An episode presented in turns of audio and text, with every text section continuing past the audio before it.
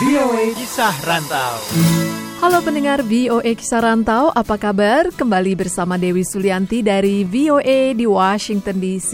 Kali ini ada cerita dari Rizky Kevinia di Houston, Texas tentang bisnisnya di dunia aviasi. Profesinya sebenarnya mompreneur ya.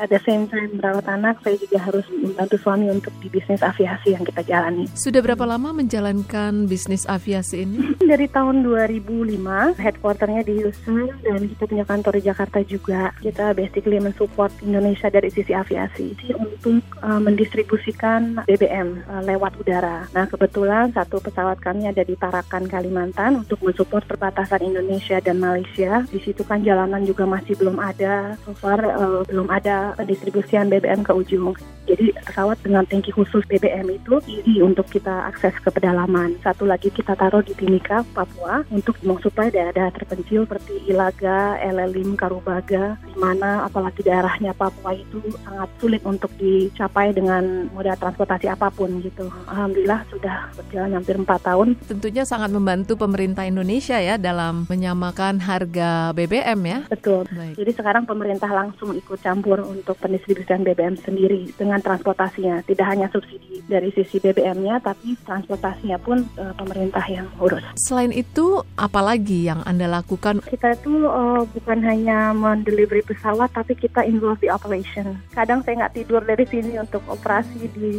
Tarakan atau di Timika, Mbak. Karena akan masih kirim dari sini, pilotnya. Ini kita lagi program transfer ilmu. Jadi nantinya Indonesia bisa independen, punya ilmu yang keren juga, bisa membawa pesawat ini. Karena ini pesawat unik kan, membawa pesawat khusus tangki BBM ini di Indonesia, especially untuk ke bagian-bagian pedalaman terpencil. Cita-cita saya dan suami besar banget untuk Indonesia karena kita lihat potensinya. Gak hanya dari sisi BBM, tapi kita lihat lagi yang next stream will be seaplane. Itu yang bisa landing di air tuh Mbak. Jadi dari satu daerah ke tempat daerah lain juga bisa terhubung. Itu jadi dream-dream kita ke depannya lah. Mudah-mudahan itu tercapai juga untuk Indonesia. Apakah hmm. Anda juga ada usaha lain? Kami ada klien juga di Vietnam. Dia juga dari sisi pariwisata. Kebetulan pesawat Cessna yang mereka pakai itu dari Amerika memang bisa diimplementasi juga di Indonesia seperti mereka. Mereka punya tiga Cessna untuk membawa turis dari Hanoi ke Halong Bay. Itu hanya 30 menit. E, mereka kami support selama ini untuk sisi aviasinya di Vietnam. Kemudian negara mana lagi? Negara Chile juga kami support, tapi itu hanya dari sistem spare parts dan kebutuhan-kebutuhan aviasinya, Mbak. Apakah ada rencana membantu distribusi atau transportasi dalam hal pertanian, kemudian Betul. juga pariwisata seperti yang Anda lakukan. Aduh pas dengan... banget nih, karena pesawat yang kita pakai ini, ini kan produksi Texas ya. Ini kita convert untuk khusus mengangkutan BBM yang kita pakai di Papua dan Timika. Kalau operasi ini nanti di Indonesia sudah berjalan, pesawat ini bisa multifunction, BBM, agriculture, atau even firefighting. Program-program kami ini memang nantinya untuk mendidik pilot-pilot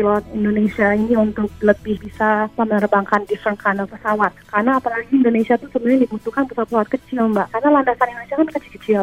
Cuman eksperimen experience ini yang masih kurang gitu untuk Indonesia. Kebetulan ada beberapa pilot Papua sudah line up untuk kita train. Satu-satu sudah kita pelajari dan pahami dan alhamdulillah sampai sekarang semuanya masih berjalan dengan mulus. Tips untuk teman-teman di Indonesia mungkin oh, anak muda Indonesia hmm. mah harus semangat terus. Yang penting dedikasi dan kemauan belajarnya itu harus dan fokus. Kevin ya. ini kan muslim dan memakai jilbab ya di Amerika ya, ya, ini. Betul, betul banget. Bagaimana pengalaman Anda selama ini? Kita tuh nggak pernah merasakan berbeda dengan yang lain atau orang lain menjudge kita jelek. Alhamdulillah itu nggak pernah terjadi. Malahan setiap ketemu, Hai, how are you? I love your scarf gitu. Mereka memuji kita gitu. Karena kita sendiri berikan lemparan senyuman ke mereka. Kalau mereka bertanya juga we educate them what is Islam, right? Betul. Jadi uh, kita sebagai Muslim, apalagi berkerudung ya kita berarti menjadi duta Muslim. Jadi kita bertanggung jawab untuk menjadi Muslim yang baik gitu kan. So far ya Alhamdulillah sih nggak ada kendala apa pun. Apalagi di Texas nggak ada ada 100 masjid. Jadi kita mau sholat di mana pun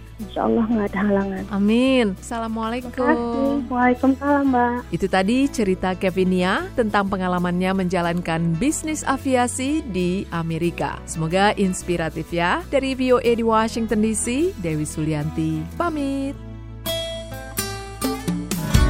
The Voice of America. VOA